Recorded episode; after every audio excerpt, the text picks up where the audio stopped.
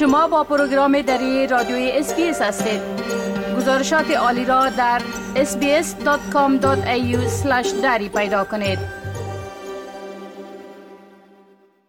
حال با جاوید روستاپور خبرنگار برنامه دری رادیوی SBS به تماس هستیم که اونا درباره تازه ترین رویدادها در افغانستان صحبت می‌کنن.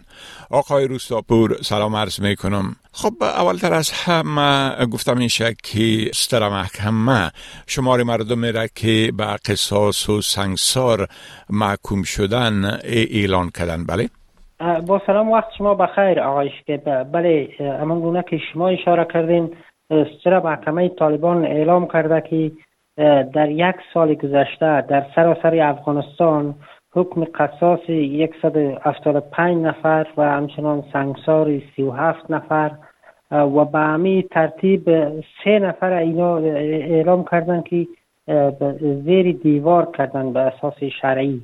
یک مقام ارشد طالبان. معاون سر محکمه طالبان در یک نوار تصویری تاکید کرد که اینا این احکام را به اساس شریعت اسلامی و با تاکید رهبر طالبان ملاعبت الله در سراسر افغانستان عملی کردن و تاکید کرد که در آینده نیز اینا به اساس شریعت همچنان این حکم را بر کسایی که در دادگاه طالبان و محاکم طالبان اینا مجرم شناخته میشن به افراد عملی خواهند کرد و این هدف از این کار به گفته او پند گرفتن برای کسایی است که دست به جرایم می‌زنن و یا می‌خوان که جرایم را عملی کنند.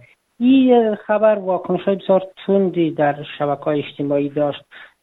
شمار بیشتری کاربران و مردم در افغانستان حالا در شبکه های اجتماعی به دلیل از اینکه تحت تعقیب قرار نگیرند با نامای مستعار و نام خود را تغییر دادن اینا فعالیت می‌کنن و همزمان با اینکه این نوار تصویری معاون محکمه طالبان نشر شد من شبکه های اجتماعی را تعقیب می‌کردم. این و هزاران شیار شد و در با هر شیاری که می‌شد اینا عنوان می‌دادن و با محکومیتی را شیار می‌کردن. تعداد بسیاری گفته بودند که اصلا محاکم طالبان اسلامی نیست.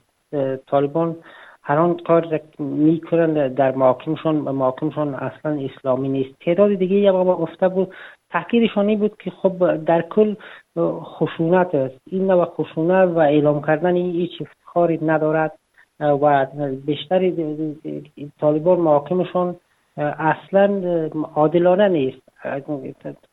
تعدادی از کسایی که در رأس محاکم طالبان قرار دارند یا یا از شریعت چیز نمی‌دانند و یا ای هم بسیار احساساتی برخورد می‌کنند و این گونه عملکرد طالبان نه تنها نه جرایم را کم نمی‌کند بلکه سبب اقتمندی مردم هم می‌شد بله. در حالی است که در بیرون از افغانستان هم با سنگسار طالبان و محکمه های طالبان واکنش های بسیار تندی در گذشته نشان داده شده بود و همچنان تاکید بر این بود که این گونه اعمال طالبان در محاکم باید از طرف قاضی های از یا باید عملی نشه و بند ساخته شد بله خب گفتم این که شمار از قانون که شکایت ها و خواسته های داشتن به جای برآورده شدن یا رسیدگی شدن به شکایات و برآورده شدن خواسته هایشان از طرف طالبان و کوب شدن بله؟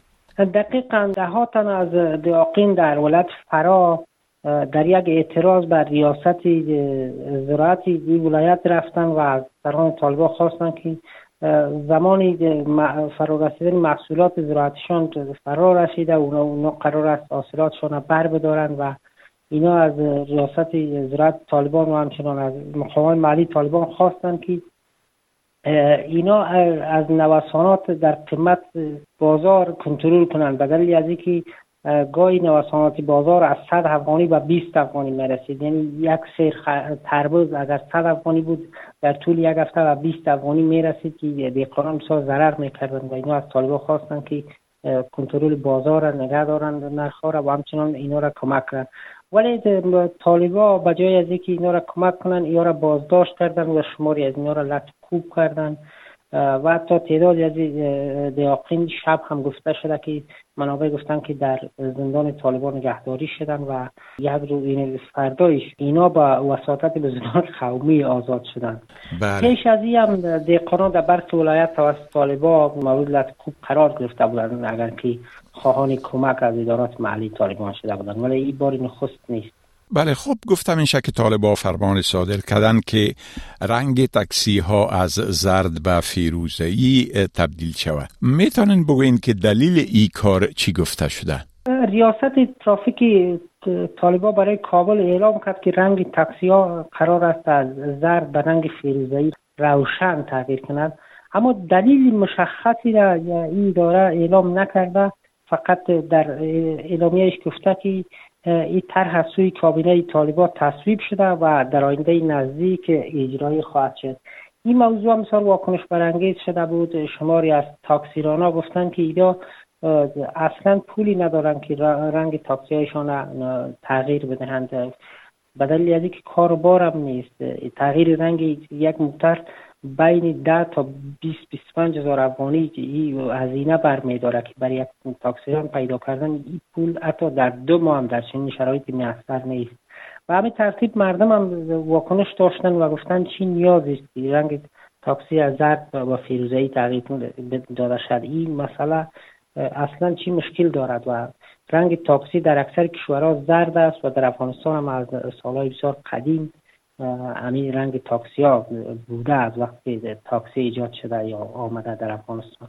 ولی طالبان تاکید کردن که کابینه تصویب کرده و این مسئله باید اجرایی شد و پس از اینکه رنگ ها تغییر کرد اینا برای تاکسی ها گفتن از سر جواز از ریاست ترافیک توضیح می‌کنن بله خب بسیار تشکر آقای روستاپور از این معلوماتتان و فعلا شما را به خدا می سپارم روزتان خوش. روز شما هم خوش خدا نگهدارتان می خواهید این گونه گزارش ها را بیشتر بشنوید؟